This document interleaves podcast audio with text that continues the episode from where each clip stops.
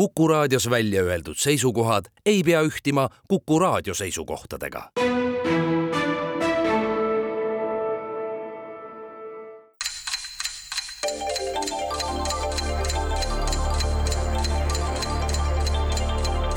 tarkade klubi targemaid küsijaid toetab lisateadmistega Postimehe raamatukirjastus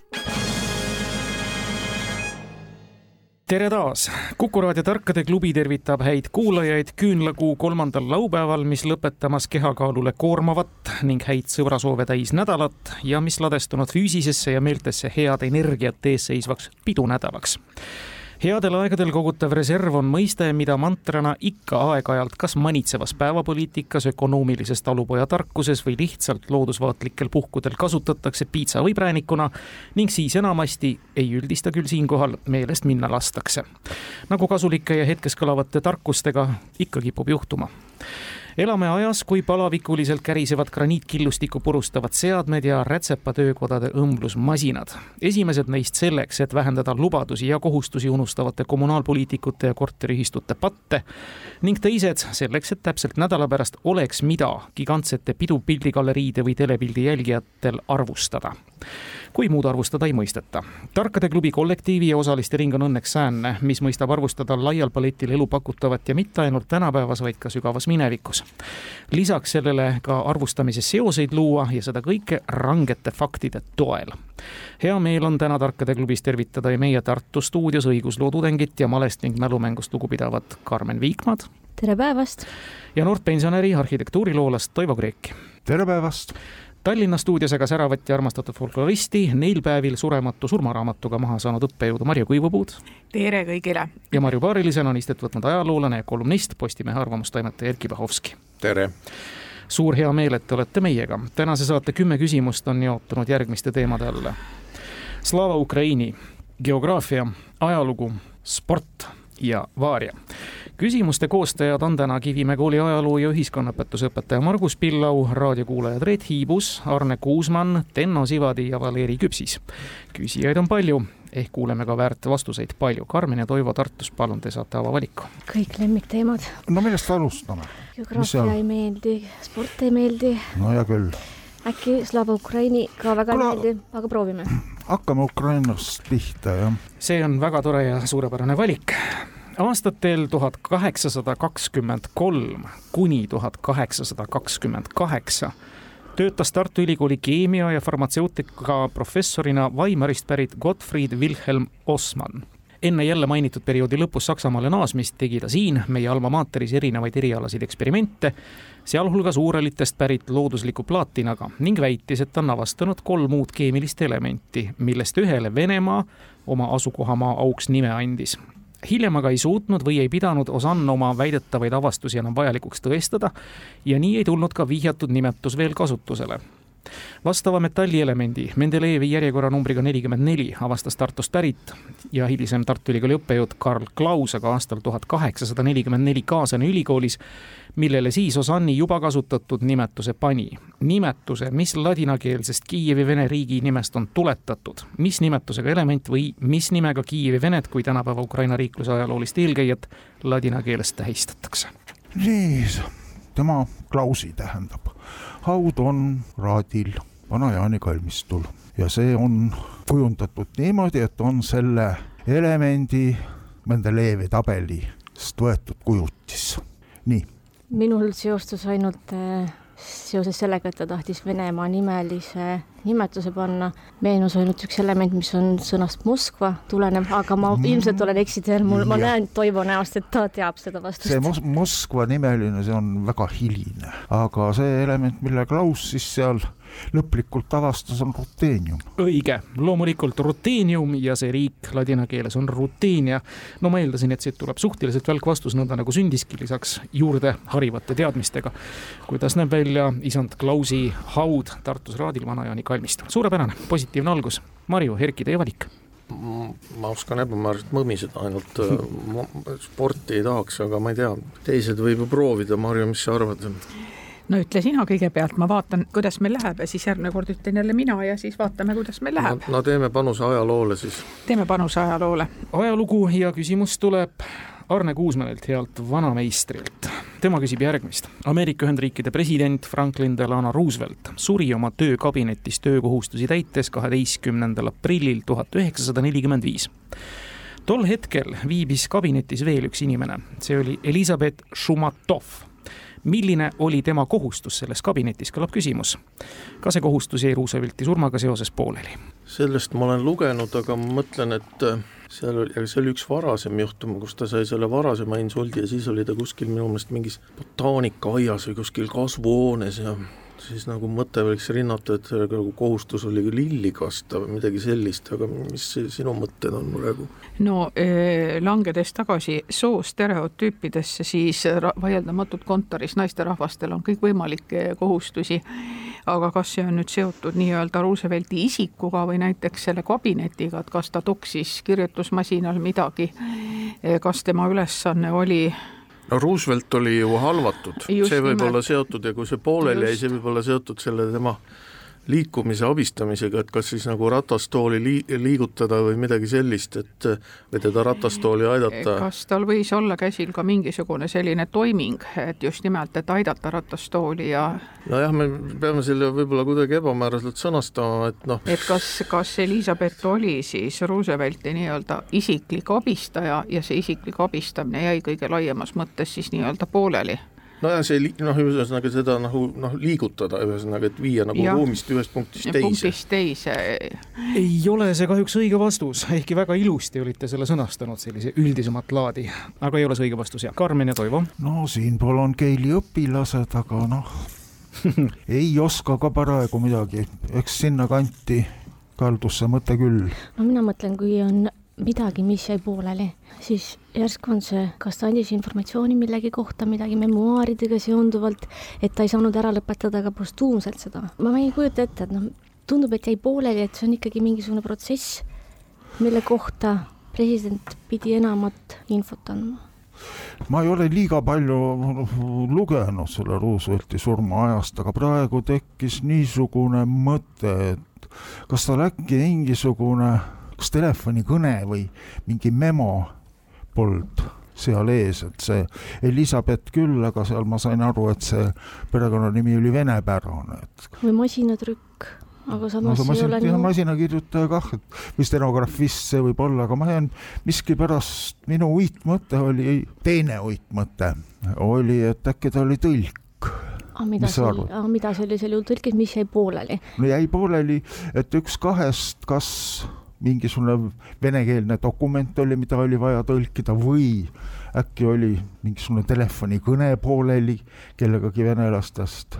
no see pidi olema midagi olemuslikku, see ei saanud olla lihtne töökohustus, sest noh, sellisel juhul jäävad kõik asjad pooleli. siis ei mainiks seda, see pidi olema midagi sellist, mis eeldab lõpetamist. no ei tea noh mis, mida sa selle lõpetamise all silmas pead? ma peangi seda silmas, et et ta jäi lõpetamata sellel põhjusel, et ta ei saanud enam äh, informatsiooni või mingil põhjusel ei saanud seda tegevust lõpuni viia. sest kui ta ainult lilli kastis, no ei, ei, ei no, jäänud pooleli, no lihtne näide, aga või... seda ma ei ja ma tean. et ei, aga noh, siis sellisel ja, juhul, et jäi pooleli. ja kabinetis oli selline ülesanne, mis määrib värkimist. no siis, kas on võimalik, kas stenografist ja et parajasti Franklin dikteeris midagi või mis sa pakud? ma ei tea ei no, no see on asi, mis jäi lõpetamata, sellepärast et enam ei saanud. see peab olema midagi sellist, mis ei olnud kas tolle aja kohta tavapärane või siis üleüldse pole tavapärane, muidu seda küsimust meil praegu ei oleks.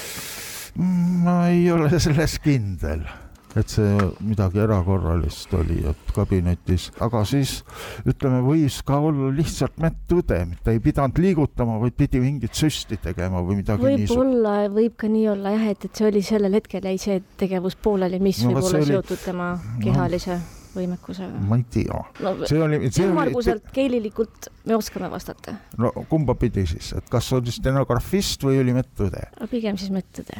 no jääb nii.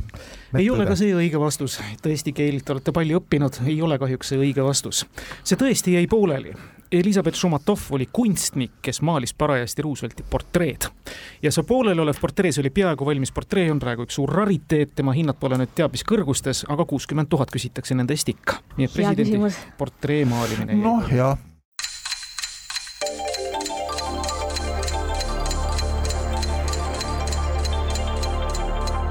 tarkade klubi. targemaid küsijaid toetab lisateadmistega Postimehe raamatukirjastus aga palun, Karmen ja Toivo, te olete üks-null eduseisus ja saate valida. kas lähme Ukrainaga lõpuni? proovime. selle Ukraina piirioblasti keskuse ehk oblasti pealinna vapil ja lipul on kujutatud kolme väikest kandekotikest. sarnaseid kandsid ka linnast pärit tsaariarmee husaaripolgu kasakad oma uhkel rüül. hoidsid nad seal siis piipu, tubakat või koguni mõnd relva aga keeletundja ütleb ehk seletagi ära, millise Ukraina oblasti keskuse vapil ja lipul need kolm kotikest asuvad. oblast ja pealinn peaks olema sama nimega, on sul praegu midagi?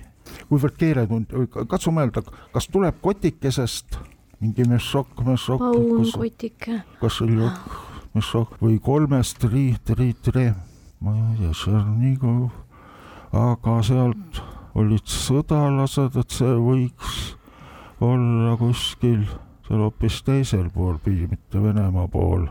Užgorod, Zakarpatja. kui sa oskad nimetada piiriäärseid oblasteid kõiki. vot, ma just ootan, et sa hakkaksid mulle nüüd piiriäärseid oblasteid ette lugema. aga ikkagi veel, oota, kas Željok on rahakott? paunake, mul ei tule praegu meelde, kuidas mingisugune pisikene paunakene võiks. muunakott, muunake mul no, kolm kotikest. kolm. piiptubakas ja relv. kolmega tri, mingisugune oblastikeskus. on midagi muud. oota, kas ma sain õieti aru, et see oblasti, oblasti ja oblasti keskus, et nad on just sellest kolmest kotikesest nimi tulnud? keeletundja ütleb seletagi ära, mis nüüd eelnevalt sai öeldud küsimuse vihjetena, millise Ukraina oblasti keskuse vapil ja lipul need kolm kotikest asuvad? ei taba ära sellisel juhul, ütle sinu. mina ei tunne, mina ei tunne äh,. no ma ei tea, Zaporožja, noh, see on täiesti muu tähendus.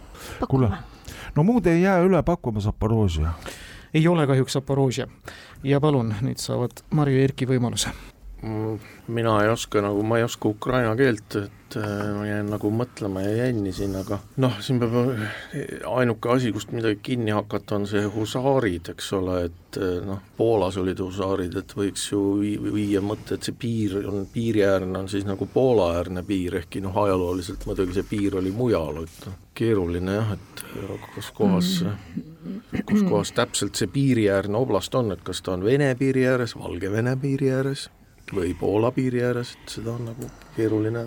no minul on ka ukraina keelega kehvasti selles mõttes, et ta on nagu slaavi keeltele lähedane, aga minu mõte, sina kui ajaloolane järsku aitad mul edasi mõelda, minu mõte viis sinna, et ma tean, kui ma nüüd küsimusest õigesti aru sain, et, et need kolm olid, eks ole, kandekotikesed, jah? jah ja. kandekotikesed, aga nüüd tekib küsimus, kes neid kandsid ja siis ma olen, noh, tean seda, et, et osade sõjaväelaste kott kottidel olid koera peakujutised ja vot sealt on tulnud need meie koerakoonlased ja sissid ja kõik muu ja hakkasin mõtlema, et kas siit ei anna midagi tuletada, noh, ütleme, kas see on mingi tree või millegagi.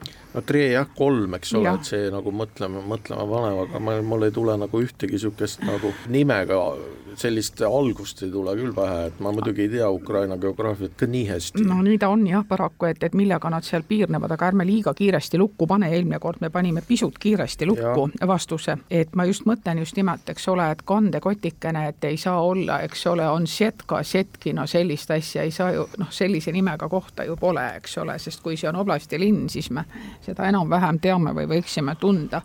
no mis koti, no ma ei kujuta ette, et see võib olla mingisugune võrk, aga see võib olla ka rahakotikene, näiteks rahamešokk, eks ole, mis olid need, kus kanti münte mitte. Need olid suuremad, no kukrud ikkagi, need ei ole mitte nagu tänapäeva ei, ei no, ei no ma mõtlen, et tegelikult nad või nad ei pidanud väga suured ka olema, sellepärast et need nahad, nahast kotikesed, mis siis ühesõnaga ripnesid, et teinekord ta võis olla selline noh, ütleme kas just pihupesa suurune, aga pisut suurem, mis rippusid ka vööl ja mis olid seotud siis ühesõnaga mingite müntidega. et kas näiteks me saame siit tuletada midagi, mis on seotud noh, vana raha nimetusega, mis on just nagu osundavad rikkusele, et mul on noh, nagu kaks no, rikkus on vene keeles pagatstva, eks ole. aga sealt ei. noh, see ei ole vist see, et. siis, eks ole, milliseid, milliseid, milliseid rahasid Ukrainas on kasutatud? no hrivnasi, eks ole, ikkagi jätkuvalt noh, siis no,.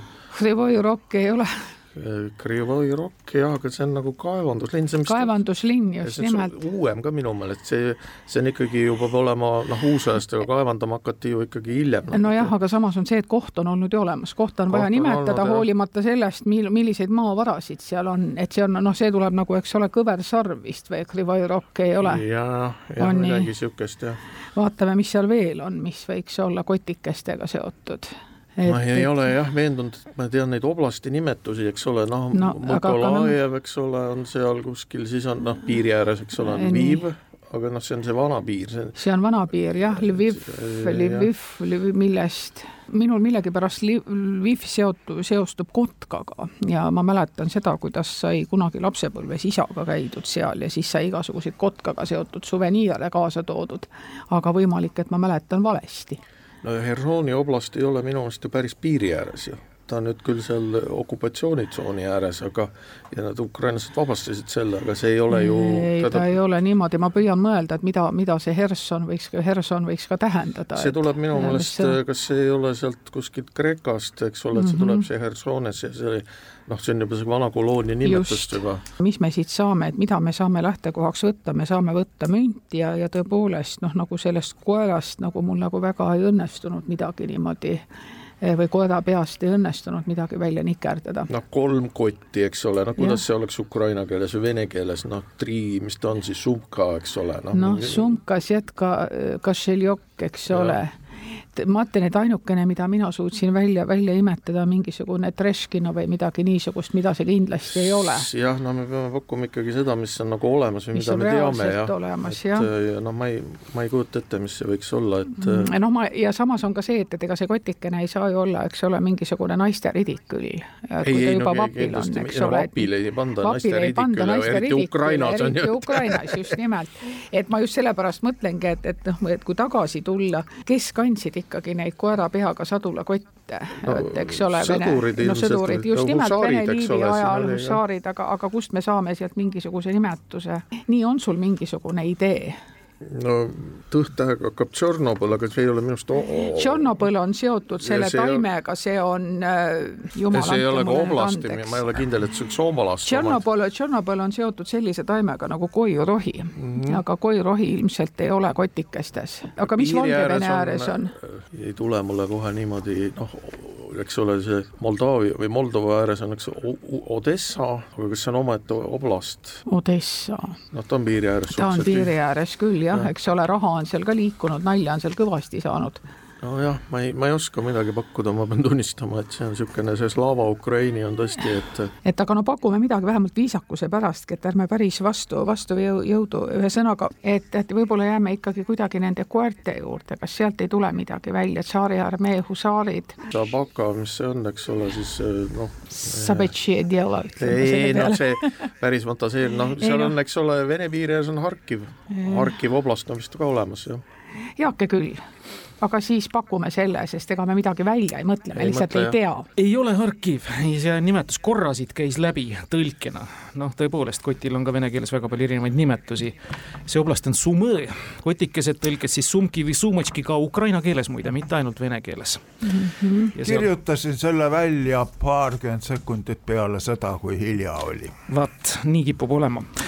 aga ei ole lugu, me oleme kolme küsimuse järel Tartu üks-null endiselt eduseisus ja Marju Erki valivad. Marju valib. Ukrainat enam ei saa. Eh, Ukrainat me enam ei saa, proovime siis Vaariat. ja küsimus üheksa aastat tagasi veebruaris Riigikogu poolt vastu võetud kehtivas kalapüügiseaduses on muuhulgas kolmandas peatükis harrastuspüügivahendid loetletud sama on selle seaduse tuules veel Taavi Rõivase valitsuse välja antud kalapüügi eeskirja teises peatükis tehtud ning vastaval teemal meie antud küsimus tulebki.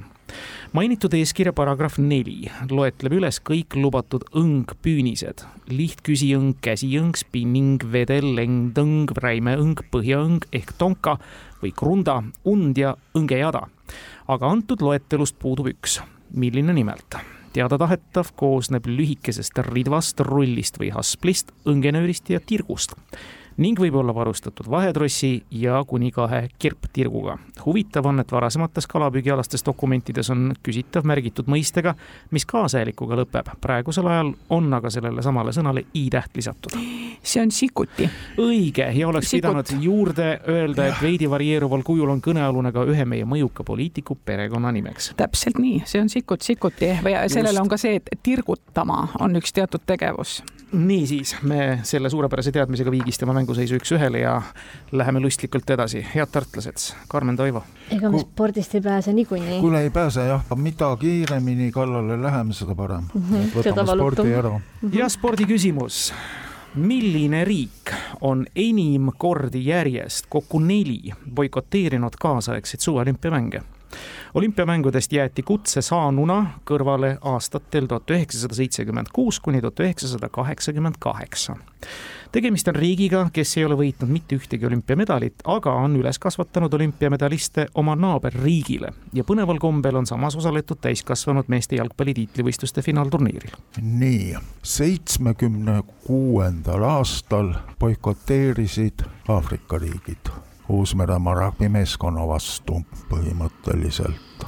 aga miks boikoteeriti veel kaheksakümne kaheksandal aastal, mina ei mäleta, kas sa mäletad? ei, ma, ma ei mäleta ja ma ei oska ka pakkuda, et see oli üks vahemik siis, miks nad no. kaheksakümmend oli Moskva, kaheksakümmend neli, mida siis lääneriigid boikoteerisid ja kaheksakümmend neli Los Angeles, mida siis vastupidiselt Moskva-meelsed riigid boikoteerisid.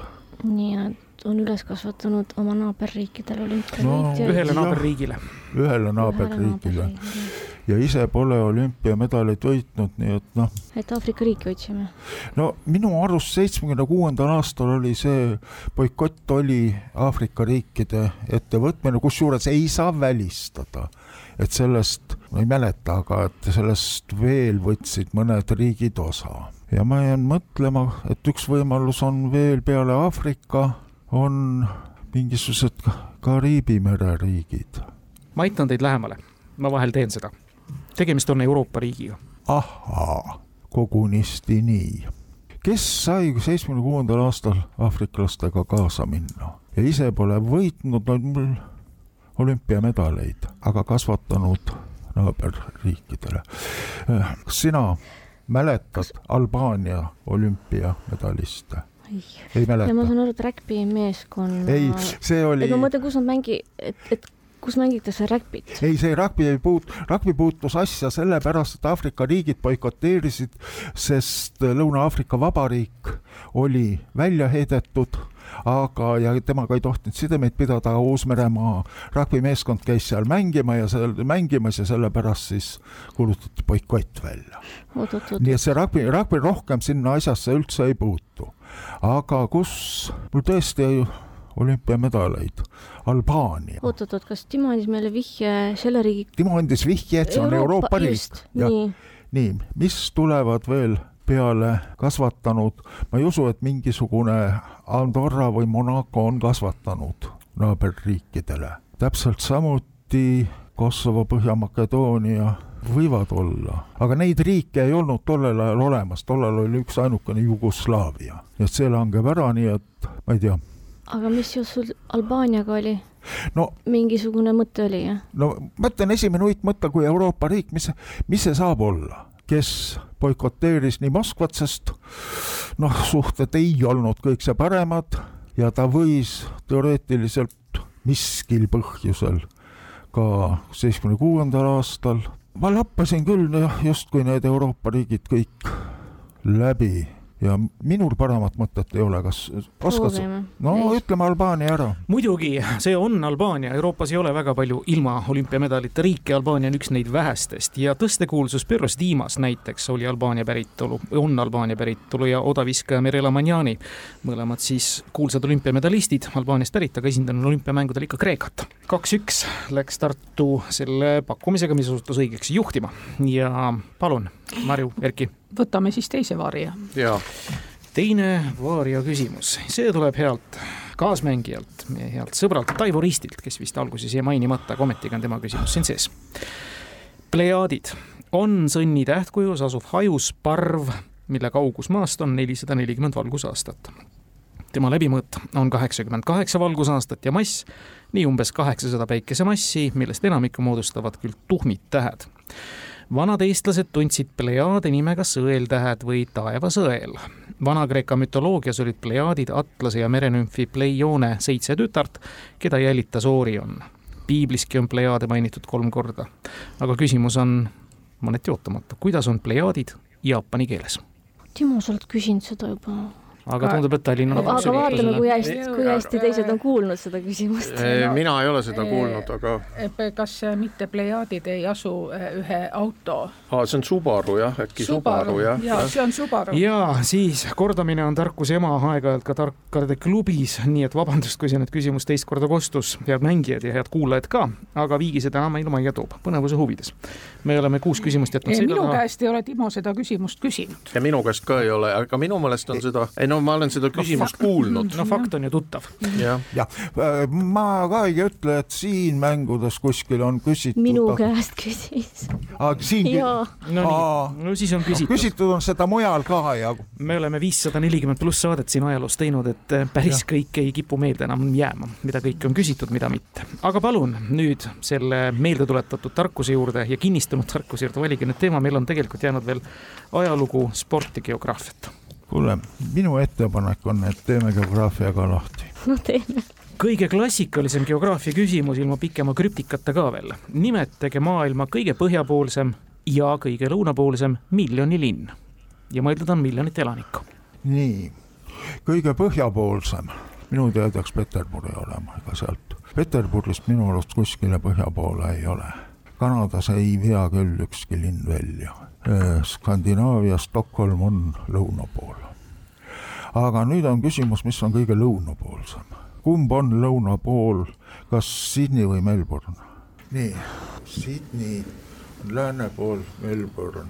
kas on, oota, kas on nii, et kui see Toivo joonistab kaarti praegu seda on korduvalt ette heidetud, et Tartu seinal ei ole kunagi meil gloobust või, või vastavat maakaarti. aga võib-olla on ka. Tallinnas ka ei ole gloobust, mina ei näe gloobust kuskil. mina, mina ei näe ühtegi kaarti ega gloobust kuskil. aga Tartus on see alati teemaks. minu arust Melbourne on see ja Sydney see. kas on? äkki on, proovime. Äh, no proovime Peterburi ja Melbourne täpne vastus, tasus joonistada ja tõesti, siit tuleb punkt juurde, lõunapoolsem on Austraalias asuv Melbourne ja põhjapoolsem on Peterburi.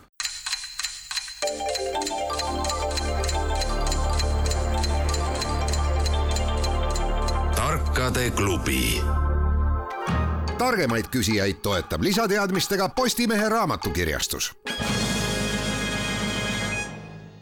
kolmas punkt Tartu, Tallinnal kaks võimaluse järgi võtta Marju Erki? no ei tea, Aariat me oleme siin nagu kuidagi ära kobistanud, aga see on nagu ja siin on ma ei tea, jääb siis, võtame selle ajaloo siis, vaatame siis no,, demonstreerime oma rumalust jälle, noh mm -hmm.. Reet Hiibuse küsimus. tuhande üheksasaja kolmekümne teise aasta teisel aprillil ootas pea kogu Eesti ajakirjandus ja suur rahvamass Balti jaamas Afganistani valitseva printsi Muhammadi saabumist Eestis polnud varem ükski Afganistani riigijuht käinud ja üleüldse sai sellega esimesena ja seni ainsana hakkama Hamid Karzai alles aastal kaks tuhat kolmteist inimesed kogunesid sellepärast, et olid sellest eelmise päeva Päevalehest lugenud. oodati tundide viisi, lepiti sellega, et rong võib hilineda, aga asjata oodatud prints ei saabunudki. küsimus kõlab Reet Hiibusel, miks?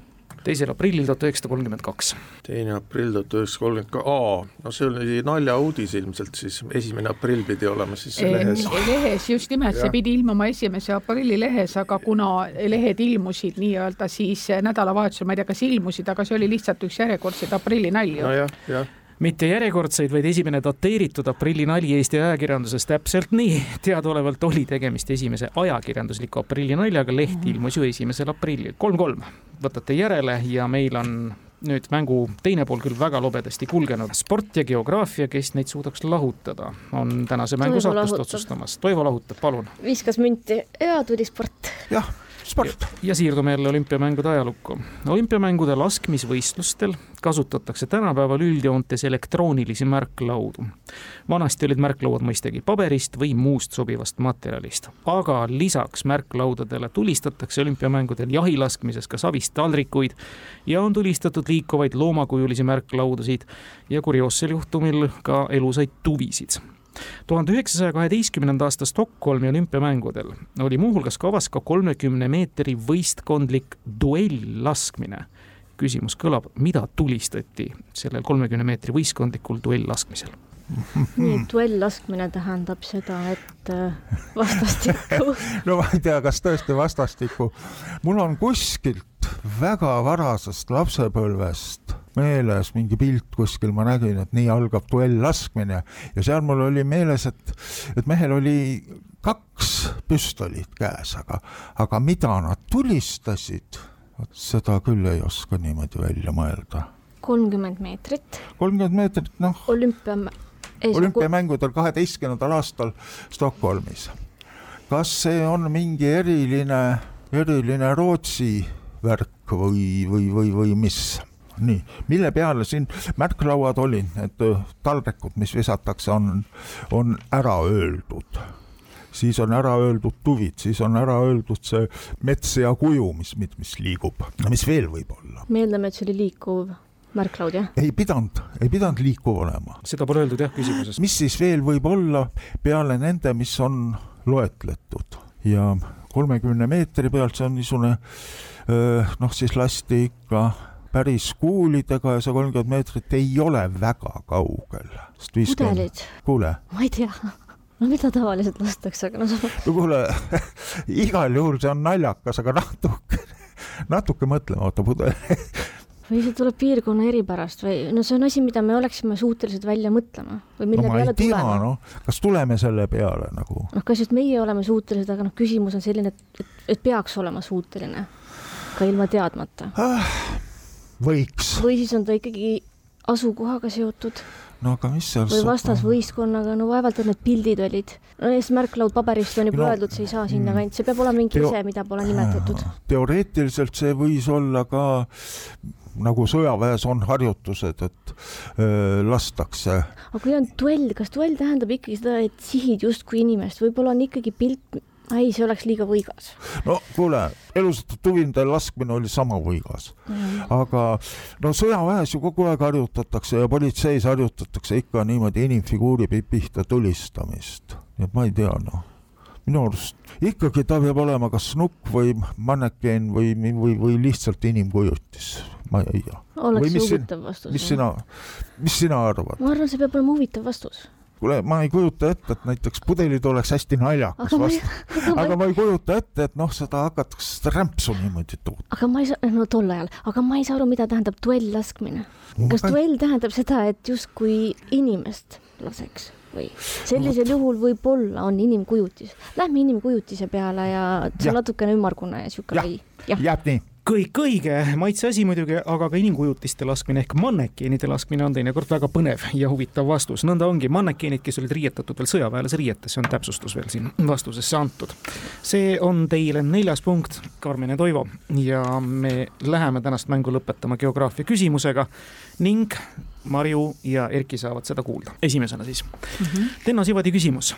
hiljuti otsustati selle riigi põhiseadusesse lisada et see riik jääb eksisteerima ka siis, kui tema territoorium kaob. riigiametnike endi sõnul on selline seisund märksa enamat kui midagi füüsilist. milline kahetäheline sümbol kindlustab sellele riigile, kui mitte igavese, siis vähemalt piisavalt pikaajalise eksistentsi? lisame juurde, et selle kahetähelise sümboli näol on tegemist riigi domeeniga no riigid, mis kaovad, eks ole, need on seotud selle kliima soojenemisega, noh mis lähevad vee alla, et üks vist oli Maldiivid ja teine oli Kiribati. et ja, ja oli vist Tuvalu ka seal nimekirjas või? Oli küll jah, see on seotud tõepoolest sellega, et, et veetase võib tõusta ja, ja uputada, aga millise me neist nüüd pakume, sellepärast et siit on võimalus ju see kahte tähte valida küll ja veel. no Mõtleme jah, me peame nagu olema noh, selles mõttes võib-olla kõige sõnakam, noh, nii palju, kui ma neid uudiseid olen jälginud, ega mm -hmm. ma mhm. nüüd väga palju ei ole, aga kõige sõnakam on olnud ikkagi Maldiivide valitsus, nad on teinud ju isegi mingisuguse istungi vee all ja nii edasi ja, ja Kiribati ka, aga mis see, mis see täheühend üldse ma nagu mõtlen, et Kiribati Kiribati vist on CI või? CI on jah, aga, aga Maldiivid on, kas on MD või ei MD ole? MD vist ja. oleks loogiline jah mm. -hmm. ja Tuvalu vist ongi, kas on DV või? Minu meelest ka jah, et, et nii palju, kui ma, nii palju, kui ma mäletan, et aga millise me nendest nüüd valime, vaat see on küll see, et valikut on mul küll väga raske teha. valikut on keeruline teha ja, jah, et äh, noh, ma ei tea sinul on võib-olla varemini läinud, sa oled siin täppi vastanud. ei, mina lihtsalt, minul on küsimustega selles mõttes, noh, vaata, see on see, et, et, et tohutult tore on jätta tarka muljet, kui esitatakse küsimusi, mille vastuseid sa lihtsalt mingil põhjusel arusaamatult tead. aga siin tuleb natukene nüüd no. tuletada mõtleme võib-olla veel mingisugustele võimalustele, et ärme tõesti kiirusta, me oleme ärme siin, me oleme ajaliselt suhteliselt hästi praegu tulnud, et ja. territoorium kaob, no vee alla, mis, mis veel võiks olla siis no,, et keegi vallutab selle või? keegi, noh, Alaska või, või tähendab, ühesõnaga võtame inuiitide maad, et seal võib, noh, ta oli nagunii, eks ole, green ehk kunagi ja. roheline ja Nauru oli, eks ole, see, mis see nagu üliõnnelik. jah, jah, et Eh, kes ju ka tegelikult vist suures osas kolis Austraaliasse nagu rahvastik, et aga noh, territooriumid on ikkagi alles ju mingil muul kujul. ta on nagu üles nagu kaevatud, aga nagu saar on ju alles, et ja noh, mis seal siis veel, no, no ikka see kliima soojenemine, ma nagu ei kujuta ette, mis seal siis on, noh. nojah, meil on tegelikult see teemaplokk oli juba Slava Ukraini, noh, võiks ju mm -hmm. mõelda ka, et see on Ukraina, Ukraina, eks ole, et nagu noh te, territoorium kaob kui niisugune ja siis on lihtsalt UA, aga noh, miks see eraldi nagu, siis ta peaks olema seal eraldi? Äh, see ma kujutan ette, et sellest oleks ka meedias rohkem räägitud, et kui selli-, kui nad, ukrainlased, oleks sellise asja peale tulnud ja, ja see tähendab nagu psühholoogiliselt allaandmist, et Maldiivid, äh, nii Kiribati ja Tuvalu, no ja, ja Iraagi sõjal, esimese Iraagi sõjal, Lahe sõjal oli tegelikult ju see, et Kuveit kandis ka varad ju kuskile üle, et virtuaalselt Kuveit nagu jätkas olemist aga, aga noh, see ei ole vist praegu. Kuveit ei ole teema ja ütle mulle palun, ega ju ei ole ka Gaza sektor selles kontekstis, me ei saa ju võtta teda riiki, ta ei ole riik, eks ole, ta on, ta on vaid just nimelt, ta on sektor, eks ole, lihtsalt ja, üks ja. osa, kus on identiteedi ja kõikvõimalikud muud probleemid.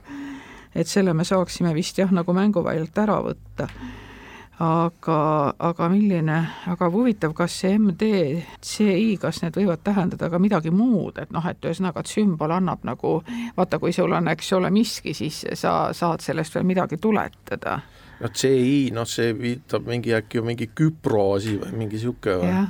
Küpro investment, mingi selline, ei tea jah ja, jah või noh, kas MD-st saab midagi välja, välja lugeda, mingi, ma ei tea, mingisugune miljon Mi miljard jah, jah. ja,, aga noh, see on inglise keeles on ja, BN oleks just. see billion, eks ole. just, et see-ist saab midagi välja tuletada. Nojah, see tuleb mingi Küpro, eks ole mm, -hmm, oleks on ju, et mingi, aga noh, see Küpro valuuta ei ole ju ka nii kindel. see ei ole. ju teema nii väga vist eriti, ma no muidugi ei tea, sellepärast et, et kui ise ei tea, siis tekib mulje, et teised ka ei tea ja TV noh, MD meenutab mulle, eks ole, kui me võtame ladina tähend-, tähestiku ette, siis võib sealt välja lugeda mingisuguseid numbreid. Samamoodi. no MD on tuhat viissada, jah, aga ma ei tea, siis noh, mis me siin ikka praeme, ega me vist targem pakume siis midagi või? no aga siis ma ei tea, kui sina nõus oled, et järsku siis prooviks seda Maldiive või MD, et tuhat viissada aastat veel ei ole kahjuks õige vastus, lõpetate täna tasavägise konkurentsi pakkununa kolme punkti peal. Karmen ja Toivo, palun. kas tead? ei tea. mina tean nii palju, see ei ole praegu vastus, mis ma ütlen uh. Mhm. -huh. veel, et Kiribati domeen ei ole mitte CI, vaid KI, nii et see üks ki, ki võib olla, aga minu, minu arust TV kõlab või mis sina arvad? miks ta peaks kõlama? TV, no TV, televisioon et riik kaob ära, aga TV-na ta elab ikka edasi oh,. no pigem siis juba küber temaatika või siis valguskaabliga seonduvad, ma ei arvaks, et see TV nüüd on pikaajalisema sümboolse väärtusega kui näiteks ma ei tea, internetiga seonduv, kübermaailmaga seonduv. mul, mul tuli pähe mõte Cyprus Küpros-Trasser, aga, aga, Ei, aga kas, aga miks me välistame ikkagi, ma ei välistaks, et ka Ukraina võis. millegipärast pole, pole praegu läbi käinud, et see võib juhtuda ka Iisraeliga, aga noh. ka variant No. pigem ma arvan, see on midagi jah, sellist lähemat aga loogilisem on ikkagi, et ri- riik kui niisugune kaob, et ta on tõesti, mis jääb seal vee ei, alla ta ei pruugi olla.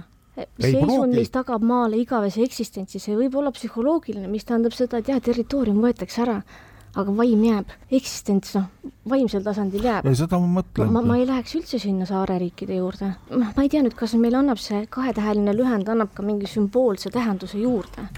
ilmselt annab, muidu ei oleks mainitud no,. ma peale, kui Tuvalu domeen on TV, vot siis TV minu silmis kõlab nii, et aegunud nähtus.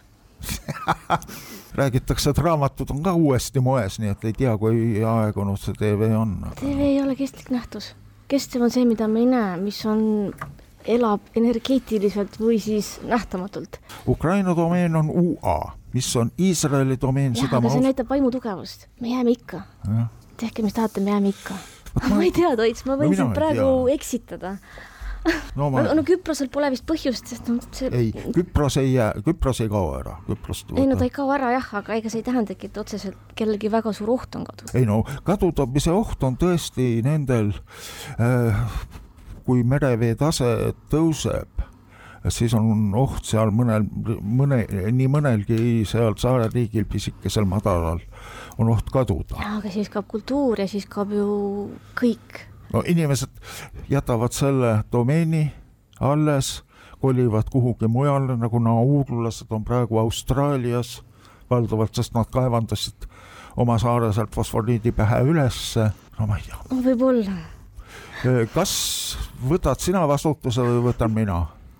võtad vaid sina vastutus. no siis jääb TV. Karmen on tõeliselt kaasaja inimene, mõtleb tuleviku suunas, mingid asjad võib-olla tõesti kas jäävad, ei jää, aga televisioon küsimuse autori arvates mõneks ajaks vähemasti ikka jääb. TV muidugi, tegemist on Tuvalu domeeniga. Toivo saab tuua oma võistkonnale veel viienda võiduka punkti siia ja ühtlasi saame selle hea tempoka mängu lõppedu lugenuks siis Tartut kultuuripealinnas, Euroopa kultuuripealinnas loomulikult õnnitledes, kui nüüd kamba peale mõtleme ka välja, mis see parim küsimus täna võis olla.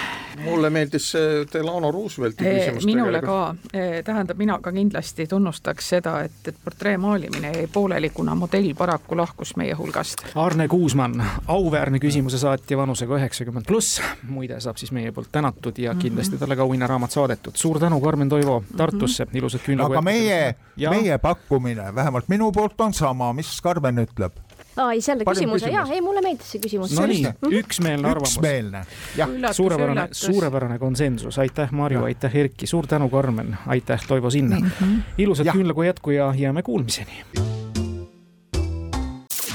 hoolega hoitud auhinnad toob kohale Smartpost Itella lõpetame saate taas kuulajamänguga. eelmisel nädalal lõpetas saate küsimus, mis kõlas järgmiselt. aastail tuhat kakssada viisteist kuni tuhat kakssada seitsekümmend seitse elanud portugallane Pedro Juliao oli ja on siiani ainus oma rahvusest selle ameti pidaja ta on olnud ajaloos ka ainus selle ameti pidaja, kes vahele jätnud ühe olulise numbri ja palusimegi teil selle krüptilise küsimuse vastuseks anda see Juliao vahele jäetud number. õige vastus on, et see number või oleks õigem öelda arv on kakskümmend. Pedro Juliao oli esimene ja on seni ainus Portugali rahvusest katoliku kiriku paavst ta valiti oma ametisse tuhande kahesaja seitsmekümne kuuenda aasta septembris ja püsis seal surmani tuhande kahesaja seitsmekümne seitsmenda aasta mais Juliao võttis omale paavsti nimeks Johannes kahekümne esimene, jättes vahele paavstidest Johanneste reas järjekorranumbri kakskümmend. jättis vahele põhjustel, et segadust oli lihtsalt keskajal paavstide loendamisega palju. näiteks loendatigi kaks korda järjest neljateistkümnenda numbriga Johannest ja Juliao arvas, et ta ongi tegelikult järjekorras kahekümne esimene, mitte kahekümnest Johannesest paavst kõige õigesti vastanute vahel naeratas loosiõnn kuulaja Jaak Eelmetsale. palju õnne, teiega võtame ühendust. uus nädala küsimus kõlab järgmiselt. mõlemad sündisid aastal tuhat kaheksasada kaheksakümmend üheksa ja mõlemad saavutasid ülemaailmse tuntuse ning kuulsuse. esimene neist küll traagilise ja teine koomilise.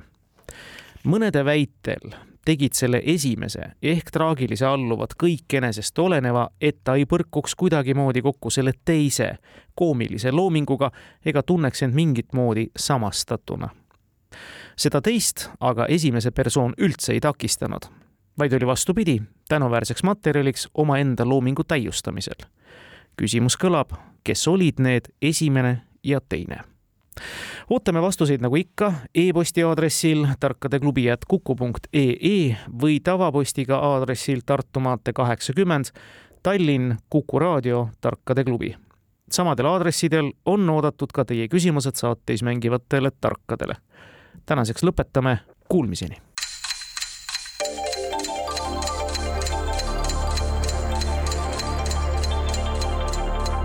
tarkade klubi targemaid küsijaid toetab lisateadmistega Postimehe raamatukirjastus